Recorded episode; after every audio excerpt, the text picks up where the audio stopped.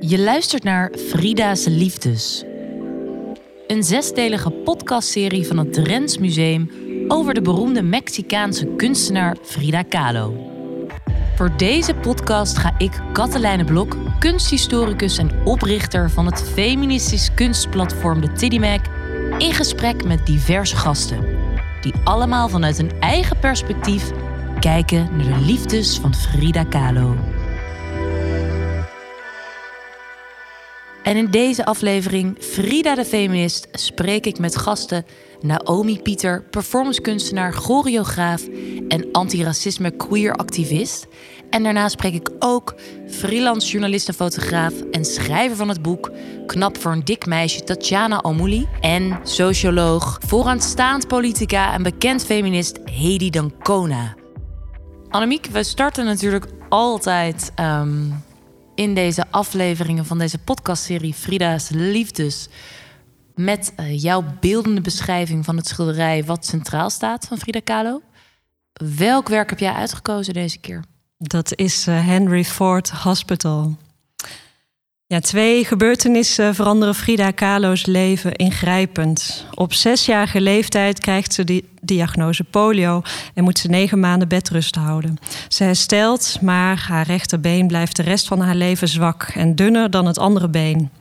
Op haar achttiende is Kahlo slachtoffer van een bijna dodelijk busongeluk, waarbij een metalen buis haar torso doorboort.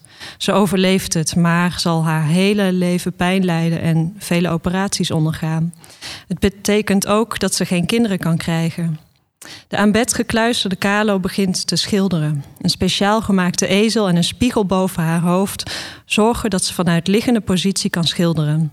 Haar eerste zelfportretten zijn een feit. Haar werken worden als het ware een dagboek van haar leven. Ze doorbreekt taboes door de harde realiteit van de persoonlijke ervaringen die ze in haar schilderijen afbeeldt. Vrouwelijke thema's. Een belangrijk voorbeeld is het werk Henry Ford Hospital uit 1932, waarin ze haar eigen miskraam schildert. En een afbeelding van dat werk is op onze website te zien. De originele titel van dit schilderij is The Last Desire, verloren verlangen. En met die titel wordt het tijdens haar eigen leven ook tentoongesteld in New York en Parijs. Later is het werk bekend komen te staan onder de meer neutrale naam Henry Ford Hospital. Het is dan ook een schilderij dat behoorlijk wat opzien gebaard moet hebben. Kalo neemt de rauwe werkelijkheid van een miskraam als onderwerp voor een schilderij en begeeft zich daarmee buiten de gebaande paarden van de traditionele kunstgeschiedenis. Ze schildert zichzelf bloedend en huilend in een ziekenhuisbed dat in het desolate industrielandschap van de Ford-fabriek in Detroit staat. Ze wordt omringd door een aantal voorwerpen die symbool staan voor het verhaal van eenzaamheid en verdriet dat ze met het schilderij wil overbrengen. Die voorwerpen zijn met haar verbonden via de navelstreng die Kalo omklemt. De onvoldragen foetus staat centraal. Verder is er een model van het vrouwelijke voortplantingssysteem dat door haar ongeluk en de nawerking ervan niet goed werkte. Een bekkenbodem, een slak, volgens Kalo symbool voor de traagheid van de miskraam. Een orchidee, symbool voor haar seksualiteit. En een medisch object, verwijzend naar het ziekenhuis. Anders dan de meeste schilderijen in de kunstgeschiedenis wordt het vrouwelijk lichaam door Kalo niet weergegeven als een bron voor schoonheid en leven, maar als een bron voor verlies en pijn. Ze choqueert met dit werk, zeker in de jaren dertig. Praten over je miskraam was taboe, die schilderen al helemaal. Kalo doet het, en ook nog eens confronterend en persoonlijk. Diego Rivera schrijft erover omgaan met de waarheid, realiteit, vreedheid en lijden. Nooit eerder heeft een vrouw zulke gekwelde poëzie op het doek gezet. Als we kijken naar het schilderij, wat denk ik heel veel van Frida Kahlo eigenlijk vertelt. Ja, het is een, misschien wel het meest persoonlijke schilderij wat ze gemaakt heeft. Wat was je eigen gevoel bij toen je het zag? Nou, ik, ik, nog steeds eigenlijk elke keer als ik het zie of als ik het verhaal vertel aan mensen, dan besef ik me hoe ontzettend persoonlijk en, en heftig het eigenlijk is.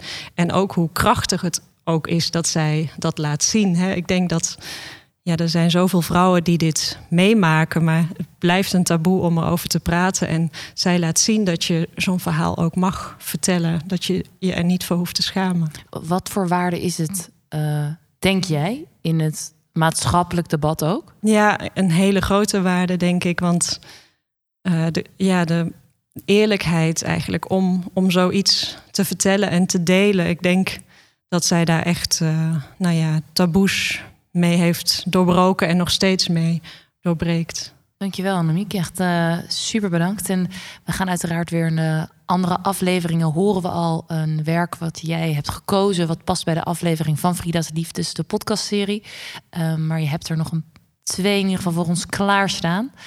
Uh, super bedankt. En ik hoor heel graag weer snel weer van jou een prachtige beschrijving. Dankjewel.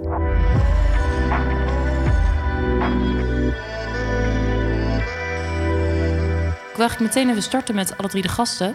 Frida Kahlo, wie is, was zij voor jullie? Hedy, wil jij beginnen? Even, Frida Kahlo uh, is uh, eigenlijk vrij laat in mijn leven. Nou ben ik al heel oud, maar dat was dus vrij laat in mijn leven. Uh, omdat zij natuurlijk ook pas, uh, dat realiseren we ons nu niet, omdat ze nu wereldberoemd is. Maar ze is natuurlijk tijdens haar eigen carrière tijdens haar eigen leven uh, niet zo wereldberoemd geweest. Uh, ik denk wel dat ze af en toe uh, in opdracht of sowieso werk kon verkopen. Ze heeft natuurlijk heel veel portretten gemaakt. misschien heeft ze ook wel kunnen profiteren van het feit dat haar man een wereldberoemde kunstenaar was toen al. Met grote opdrachten. Dus was natuurlijk altijd wel een boterhammetje of een heerlijk Mexicaans soepje. Uh, wat hier ook in de kantine zo fantastisch is. Dat raad ik iedereen aan. Uh, maar uh, dat, dat is er natuurlijk altijd wel geserveerd. Hij heeft niet in armoede geleefd. Ik denk eigenlijk ook als je op de tentoonstelling al die foto's ziet, dan ademen ze toch wel een sfeer van nou, van mensen die well-to-do waren, die in een mooi huis woonden, die prachtige tuin. En natuurlijk wel aangestoken door het klimaat. Uh, de prachtigste bloemen. Maar het, het is niet uh, armoedig. Integendeel. Het, al die prachtige kleren die ze aan heeft. Um, dus al met al, um, ze is laat in mijn leven gekomen. Maar toen was ze dus eigenlijk... Toen was ze helaas al dood. En... Um, en ze was dus toen, na haar dood, wel aan een enorme een bekendheid bezig. Jammer dat ze dat niet gemerkt heeft. Ja, daar gaan we zo nog even uitgebreid op in. Maar um, voor jullie, Naomi, Frida Kahlo, waar denk je aan bij die naam of bij een werk? Um, nou ja, Frida is voor mij een soort van mysterieus wezen. Uh, een wezen waar ik me in het begin een beetje heb afgezet. Omdat ik Frida vooral ken uh, van, van, van um, mokjes en plaatjes en posters en dingetjes. Dus voor mij heel erg ver weg. Um, maar ik moet zeggen dat uh, de laatste paar maanden vooral, dan ben ik heel eerlijk, dat ik uitgenodigd word om te spreken. Dat ik me meer heb verdiept in haar leven. En ik denk, wow gewoon wow, wow, wow. Wat was zij een bijzonder mens. Ik vind. Ik, vraag me af hoe het komt dat zij zo gestript is van, al, van haar hele identiteit, van haar, van haar rijkheid tot een mok, tot een plaatje, tot hetgene waar ze eigenlijk, nou ja, als ik de verhalen moet geloven, waar ze eigenlijk tegen was. Dus welke plek geef je het kapitalisme? Welke plek geef je het feit dat zij overal op mokjes en dingetjes staat, terwijl zij zichzelf daar helemaal niks mee had? Maar ik vind het wel interessant wat, wat het Heni nu zegt. Van, uh, ze was inderdaad niet arm. Dus je ziet wel een klassenverschil. Je ziet wel bepaalde dingen toch wel terugkomen in haar leven. Ook in de tentoonstelling, wat ik toch wel ook weer interessant vind. Maar ja, ze is, ze is een, ze is een voorloper op zoveel gebieden. Ze is uh, voor mij iemand nu waar ik veel meer van wil weten. Uh, iemand die, ik denk nu deze tijd zoveel van kunnen leren. Haar openheid, haar complexiteit. Hoe ze alles omarmde en het ook geen naam gaf. Nee. Ze was gewoon, ze was, als we hè, een naam moeten geven, ze was bi. Ze was uh, polyamoreus. Ze was, weet je, ze was het allemaal. Um, en ja, ja, om dat toch te zien in die tijd, terwijl we nu aan het vechten zijn voor zo'n vrijheid, ja, is, uh, ja, is fijn. Ik wil zo ook even van je horen, inderdaad, op welke manier ja, identiteit, maar ook iemand tot een icoon maken, of dat eh, wel of niet een gevaar kan zijn. Maar Tatjana, om jou ook nog even de vraag te stellen: hoe is zij in jouw leven gekomen? Waar denk je aan als je de naam hoort? Hmm. Ja, ik heb het geluk gehad ehm, dat mijn ouders haar werk heel erg goed kennen. En mij dat eigenlijk echt met de paplepel wel ja, hebben meegegeven. Ehm, mijn vader die is geboren in Latijns-Amerika, heeft ook al lang in Mexico gewoond. Mijn moeder die was, vond haar ook altijd al echt een rolmodel eigenlijk.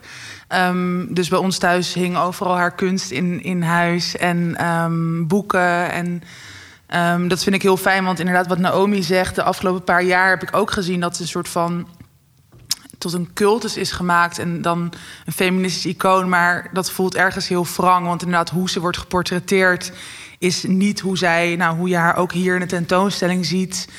Um, met haar snor en met haar wilderige wenkbrauwen. En ja, nou, eigenlijk sluit ik me heel erg aan bij wat Hedy en bij wat Naomi zeggen. Dat juist die complexiteit en dat laten zien van mentale en fysieke pijn, dat dat ook heel interessant is bij haar. En dat ze daarin onbeschaamd was en uh, onaangepast. En ik denk dat we dat ook nou, als feministen of als mensen um, daar heel veel van kunnen leren. Dat doe ik tenminste wel. Ja.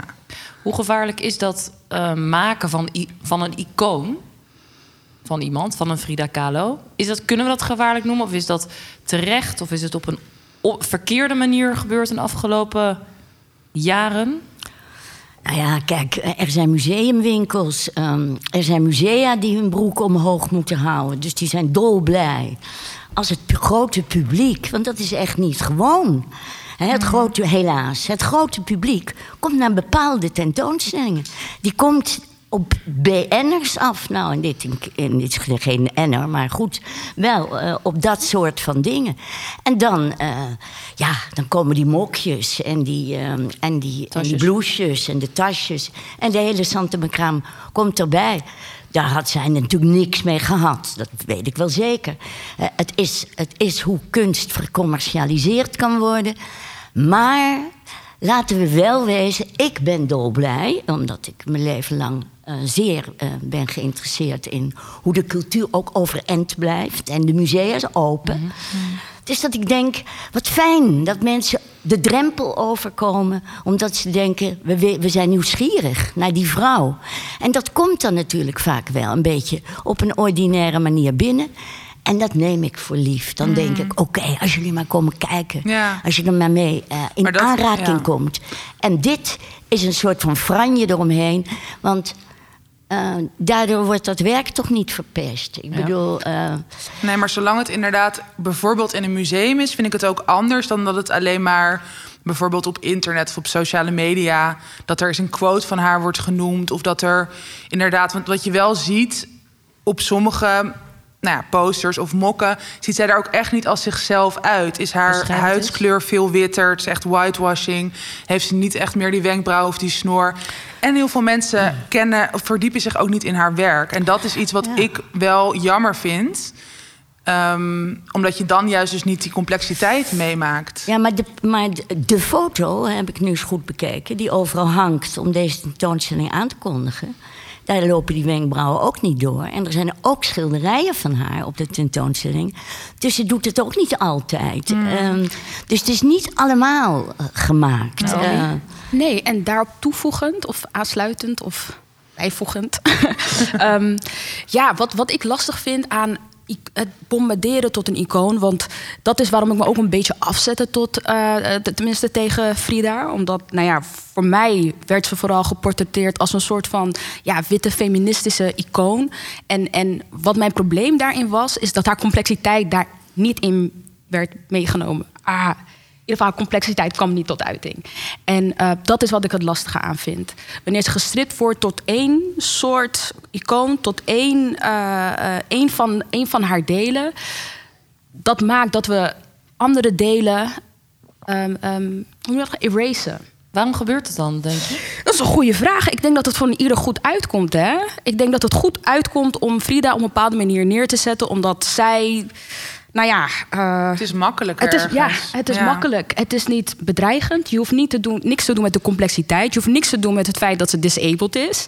Of is geweest natuurlijk. Je hoeft daar helemaal niks mee te doen. Terwijl dat zo'n grote rol speelde in haar leven. Of zelfs haar queer zijn. De relatie die ze had met uh, Chavella. Chavella spreekt haar naam dan goed uit. Maar in ieder geval de relatie die ze met haar had. En vast ook met meerdere mensen. Maar dat kwam voor mij tot uiting toen ik Chavella ging onderzoeken. Toen, toen kwam ik erachter dat zij een relatie had met Frida. If you don't know who she is, I hope that some people do know. Chavela Vargas. Zij is een hele bekende uh, Mexicaanse uh, zangeres. Zo was. Toch? Ja, ze leeft niet meer. Ze was. Ze is 2004. Nou, nou ben ik zeggen. In ieder geval, ze was een bekende zangeres. En um, via haar ben ik daarachter gekomen. En hoe meer ik van haar leer, hoe meer ik denk van... verdorie man, hoe kan het dat zij zo gestript is tot één ding? Nou, Zo'n voorbeeld. En al in die tijd. Hmm. Ah. Nou ja, ik heb een groot deel van die tijd wel meegemaakt natuurlijk. Ja. Uh, ja. Let's go! en uh, jij kan er ook niks aan doen. Dat is geen verdienste. Dat is gewoon in en uit blijven ademen. Hoor. Ik bedoel, uh, dat vind ik verder helemaal geen... niet iets om voor te applaudisseren. Maar, maar, maar... Ehm, kijk, we moeten het natuurlijk nou niet doen... Ehm, om te beginnen moeten we nog even over eens worden of zij zelf nu echt een feminist is. Ja, let's go. Ze is, in de, ze is natuurlijk door de feministische beweging omhelst. Omdat ze inderdaad, omdat ze inderdaad al zo vroeg en in de uppie dingen uithaalde hè, die de hmm. feministen wilden. Dat, dat, dat het zo zou worden. Maar vind je ook dat ze. Maar ik vind, is? nee, ik vind eigenlijk niet. Uh, ze mag voor mij best gebruikt worden, want uh, dat zijn allemaal leuke dingen. Ze leidde een leven zo onafhankelijk. Zo, het kon er geen moer schelen wat mm. mensen van haar dachten. ze was volstrekt vrij. En ze deed het met mannen en ze deed het met vrouwen. Ze deed het met diverse. Ze was, ze was toch... Uh, ze, was, ze was in dat opzicht niet zozeer haar tijd vooruit. Het gebeurde toen natuurlijk net zo goed. Mm. Maar het kon er niet schelen. Ze kon er, ze kon er gewacht van maken. Ze heeft niet, ook niet in haar werk. Uh, ik zou er ook wel als feminist natuurlijk mee willen nemen en zeggen: Nou, dat is nu een, de Aletta Jacobs van, uh, van Mexico. dat is gewoon niet zo. Zij heeft dat feminisme in haar eigen levenswijze, heeft ze dat wel uh, uitgedragen, wat ik zeg. Hmm. Ze heeft zelf helemaal ook zich niet geproclameerd uh, tot feministe. Nee, zij was een communiste, een socialiste. Dat droeg ze uit. Ik heb haar over dat feminisme ook niet in haar werk, kan ik dan zeggen. Nou, dat, daar komt die feministische maatschappijvisie. Nee, zij is in de eerste plaats, als het om een maatschappijvisie, dan was zij dus. Uh, en of dat nu door Diego kwam. Ze kreeg het wel via die vriendin aangereikt. Maar of ze er zo trouw aan is gebleven, tot en met Stalin en heel lang, denk ik wel eens, dat komt toch misschien wel door die man hoor. Maar Hedy, als je ja, maar, ehm, maar het gaat volgens mij dus, toch ook heel erg, bijvoorbeeld wat je wel in haar werk ziet, dat ze open is over abortus. Of bijvoorbeeld Precies, dat ze miskramen laat zien. De onderwerpen die in haar werk of ook waar ze open over is, wat je in de boeken leest, dat zijn wel feministische thema's. In ieder geval, hoe, ja. Als we ook even kijken. Ik zeg dus dat ze een feministisch leven leidt. Maar dat ze niet, en dat hoeft voor mij ook niet. Uh, dat is dus ad hoc gebeurd. En met name in Mexico en Latijns-Amerika zelf. Mm dat zij een feministe is. Je bent geen feministe alleen maar doordat je feministisch leeft. Wanneer wel, Hedy? Doordat je inderdaad een visie hebt waarin je aan de orde stelt dat, de, dat vrouwen systematisch worden onderdrukt. Waarin je, en dus dat is niet de schuld van een individuele man, hmm. dat is een systeem. Een, een systeem van onderdrukking. En dat stel je aan de orde als feministe. Je stelt ook aan de orde op welke manier de samenleving eruit zou moeten zien als dat systeem naar beneden gehaald zou worden. En dat is eigenlijk het enige wat ik wil zeggen. Want mm. verder, ja, ik bedoel, ik vind haar natuurlijk fantastisch. En ik vind ook dat ze een voorbeeld is in de manier waarop ze de durf heeft alles wat ze denkt en doet naar buiten te dragen. Mhm. Maar dat maakt haar niet tot een feministe. Naomi, wat vindt, eh, hoe denk jij erover als we even definiëren Oh. feminist? Nou ja, ik voel, ik voel, ik voel Hedi's definitie wel. Ehm, ik, ik, ik, ben er, ik ben er sowieso mee eens.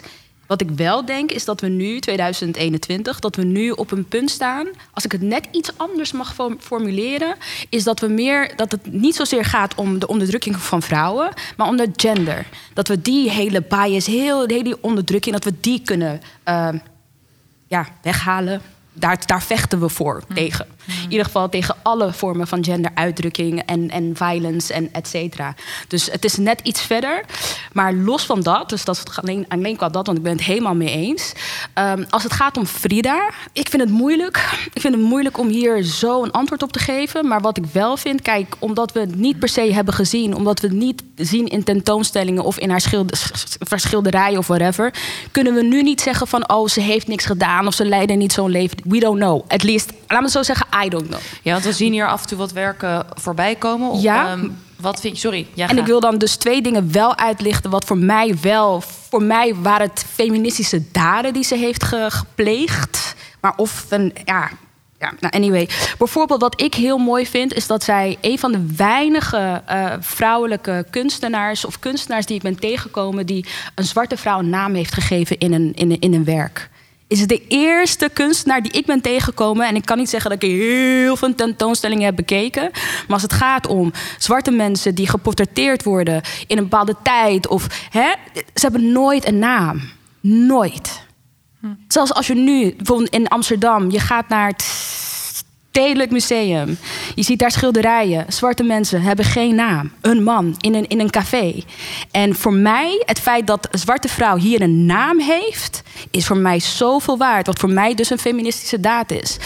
Ehm, nou ja.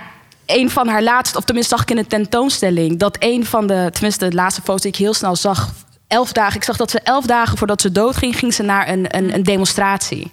En ze duwde haar eigen rolstoel en ze was daar. En nou ja, gaat het eh, het creëren van een betere maatschappij voor vrouwen? Nee, maar ze was wel bewust over, hey, shit moet veranderen. Nee, en ik dat sta was daarvoor. een eh, demonstratie tegen Amerika. Ja. hè? Tegen de inval. Precies. Dus dat, had, eh, dat heeft natuurlijk altijd met vrouwen en met gender en alles te maken. Maar kom on, dat heeft alles in het Ja, leven. nee, nee, nou, voor maar mij het, meer- was een, Ja. het was vanuit haar opvatting... eh, Amerika als vijand, eh, dat zij daarin... En ik vond het ook ongelooflijk. Ja. Want ze was hartstikke ziek. Ja. En dat je zo overtuigd bent dat je moet demonstreren. En dat je moet roeien met de riemen Ja. die je hebt.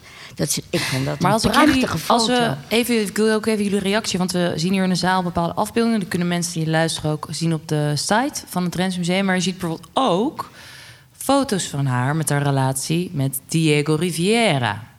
Dus even meenemen wat we net besproken. Wat is dan jullie mening daarover? En ik weet het gevaar om dingen te gaan eh framen in bepaalde tijd. En ik, ik weet ook niet precies wat daar heeft, zich heeft afgespeeld allemaal. Maar inderdaad dat zij met een, deze man samenleefde. Wat natuurlijk van allerlei hoeken te bekijken valt. Uh, Annemiek die kan dat ook prachtig allemaal toelichten ook. Maar wat, wat vinden jullie daarvan? Vanuit feministisch oogpunt ja? bedoel je? Ja? Ja, ik vind dat lastig, want ik weet dat veel mensen, als het gaat over die relatie, dat ze haar daarom dan geen, niet als feminist zien, omdat het een destructieve relatie was in vele opzichten. Ehm, omdat hij vaak vreemd ging en zij dat in eerste instantie toeliet. En later ging zij, volgens mij, of hadden ze inderdaad, wat Naomi ook net zei, een polyamoreuze relatie Open relaties. open relaties. Ehm, ja, ik ben er niet. Ik vind haar niet per se daarom geen feminist. Omdat ik denk, ik, ja, voor mij maakt het haar heel erg menselijk. En ook gaat het weer over die complexiteit. En ook weer over jezelf niet in hokjes laten stoppen. Ook niet als het gaat over liefde. En laat het heel erg zien van ja. Soms is een relatie heel intens en gaan er misschien ook dingen scheef. En, en tast dat misschien ook je onafhankelijkheid aan. Want dat geloof ik wel. En dat gaat natuurlijk ook weer heel erg over Ehm, dat hij, wat Heden net ook al zei, dat hij natuurlijk veel bekender was en ook veel meer werk kreeg. En misschien leefde ze van zijn geld. Dus die grenzen zijn natuurlijk best. Ja, het is moeilijk om daar iets over te zeggen. Maar ik vind haar niet per se niet feministisch omdat zij met hem in een relatie bleef. Ik denk, ja, Hedy? Nee, eh, maar goed, we moeten niet in alles wat we nu zeggen, haar Nee, hok feminist. precies, Want ze ja. wil helemaal niet gelabeld worden. Nee. Ik hoorde roepen Ja. van, Ja. van die, vanuit die blauwe hemel. Eh, hou daarmee op. Ik, dat vind ik ook. Kijk, zij aanbad die man. Ja. Ik zie de eerste foto, ze is 21. Ze trouwde geloof ik op de 22e. Ik zie die man, ik denk... Wat een onaantrekkelijke dikzak. Dat gedenk ik dus. Nou ja, eh, eh, wat is daar nou voor opwindends aan? Ik zou meteen naar een vrouw lopen om het mee te doen. Als ik het met die man zou moeten doen, sowieso. Maar ehm, die man was natuurlijk wel heel imponerend. Hij was een beroemde kunstenaar. En ik, er hangen erg veel eh, ook filmpjes, die zijn ook heel interessant. Dan hebben jullie misschien ook dat er foto's van ze genomen worden. Dat is Ja. weer een filmpje. En dan doet hij wel erg irritant voor mij. Duwt hij steeds zo de hoofd recht met zo'n handje. Ja. En zij pakt zijn hand, dat vond ik dan wel pathetisch. En die gaat ze zitten strelen en doen. Ja. Want zij is natuurlijk ook een actrice van de bovenste plank. Hè? Ze Altijd maakt er ook drama. een nummer van. Maar ik dacht hoe die twee daar met elkaar bezig zijn. Hij, zo toch een beetje een macho-achtig met dat grote dikke lijf. Die man was natuurlijk ook heel interessant. Was niet alleen maar een, inderdaad een waanzinnig kunstenaar hoor. Mm. Ook hè. Echt een waanzinnig kunstenaar. Maar eh, ook een hele interessante man. Die had natuurlijk een babbel van hier tot de overschie. Die had fantastische eh, vriendenkring. Dus het was alles... Ik bedoel, en dat hij ouder was, ja, oké. daardoor had hij dat ook allemaal. Dus ik dacht, laat ik nou niet zo flauw zijn... om alleen maar naar die buitenkant te kijken hier. Maar eens bedenken hoe imponerend. En ze was inderdaad aan die man verslingerd. Ja. En hij natuurlijk ook aan haar. Want hij ging wel vreemd. Maar hij trouwde toch weer voor Ja, de tweede keer met haar. haar terug. Hij- ze hadden een... eh, een ze, ze hadden een zielsverwantschap, die mensen. En dat vind ik eigenlijk heel mooi natuurlijk en romantisch. En al dat gedoe eromheen. En die, dat laat ik dan denk ik dat je elkaar tot aan de dood trouw blijft. Dat je door de dips heen gaat. En, door, en, en hij moet, zij moet dan wel met dat dikke lichaam. Maar met dat, voor hem, met dat zieke lijf en dat pijnlijke lijf leven. eh, dat is ook niet mis. Dus eigenlijk vind ik het een. En dat heeft niks met of het nou feministisch is of niet. Ik vond het. Ik werd heel romantisch van die prachtige relatie tussen die mensen. Die ik ook niet kan verklaren. En misschien verzin ik maar wat. Maar het duurde toch wel een leven lang. Ja. Ja, want we zien hier inderdaad, we zagen ook net die afbeelding van, nou ja, als, als koppel. Ja, wat, wat is jouw mening hierover, Naomi? Wat vind jij als je het zo hoort, als je dit zo ziet? En bedenkt inderdaad al, nou ja. Ja, ja, ik denk. eh, als ik, het, als, ik aan, als ik de foto van Frida en Diego zie, of tenminste als ik naar hun kijk, en ehm, misschien projecteer ik dan mijn eigen gedachten daarop, logisch. Ehm, ik moet dan heel erg denken aan, aan een tijd waarin vrouwen moesten trouwen met een man om bijvoorbeeld over straat te kunnen. Nou, niet moesten, maar liepen ze over straat. Maar dat je bepaalde dingen niet kon als een man niet voor je zou tekenen. Dat je dit niet kon, dat je dat niet kon. Dus hè, je maakt de keuze om op een jonge leeftijd te gaan trouwen, zodat je uit huis kan en je ding kan doen. Dat is een beetje het gevoel wat ik krijg als, als ik naar hen kijk. Niet helemaal terecht, denk ik, want ik ga er, obviously hadden ze heel veel liefde voor elkaar. Dat is heel duidelijk. Maar dat is een beetje het eerste gevoel die ik krijg. En nou ja, ik kan natuurlijk niet de tijd terug, eh, terug in de tijd gaan om met Frida te praten van... yo, wat, wat ging er door je heen? Wat dacht je eigenlijk?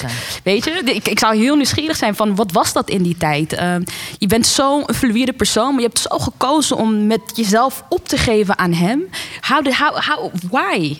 Ehm, ehm, het maakt, haar liefde voor Diego maakt haar niet minder feministisch in mijn, in mijn ogen. Like, het doet me heel erg denken aan eigenlijk intense queer love. Like, intense lesbische relatie waar je met zoveel liefde en emotie... en je kan niet zonder elkaar en dit en dat. En ik denk, intense liefde is genderloos. En, ehm, en dat overstijgt. Dat, dat, dat, dat maakt niet uit. En het maakt, voor mij ja, maakt het dan niet minder feministisch.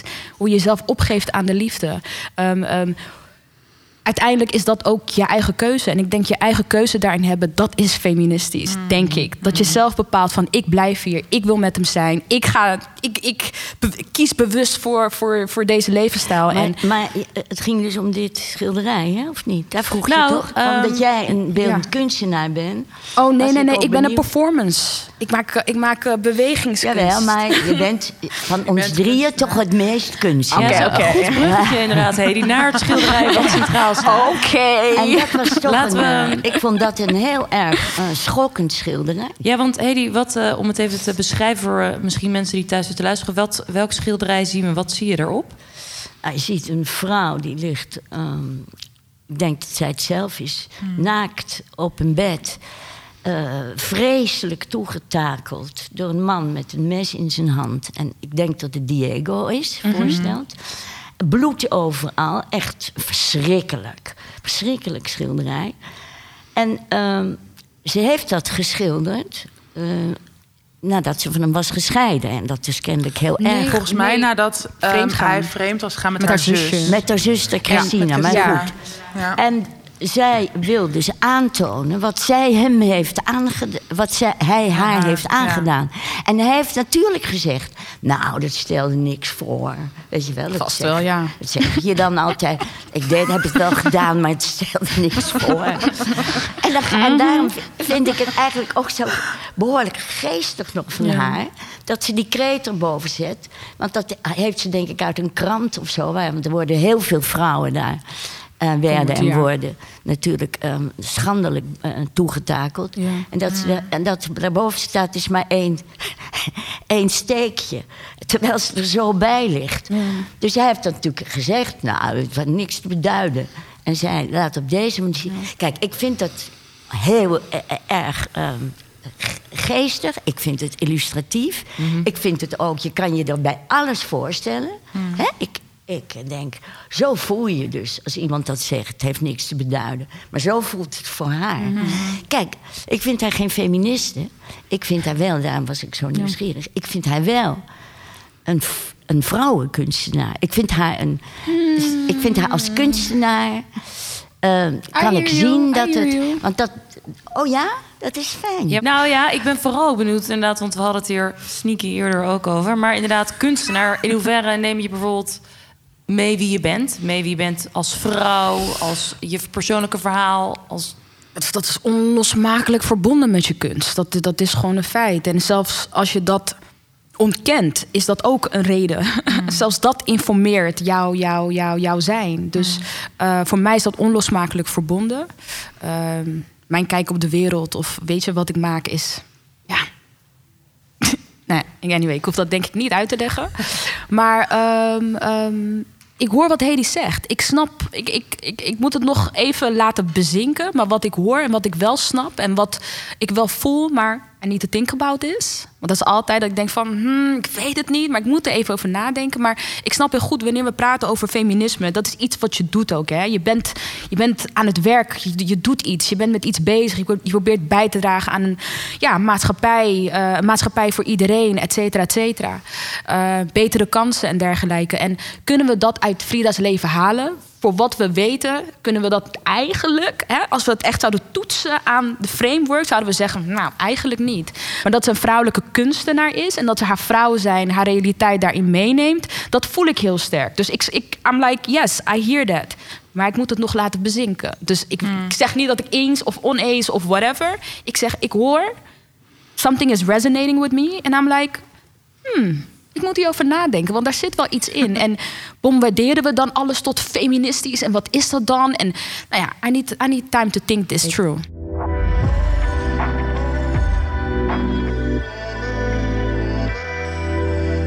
Super bedankt. En eh, jij bedankt voor het luisteren naar deze aflevering van Frida's Liefdes. En eh, ik zou zeggen, ga vooral door met luisteren naar de andere afleveringen.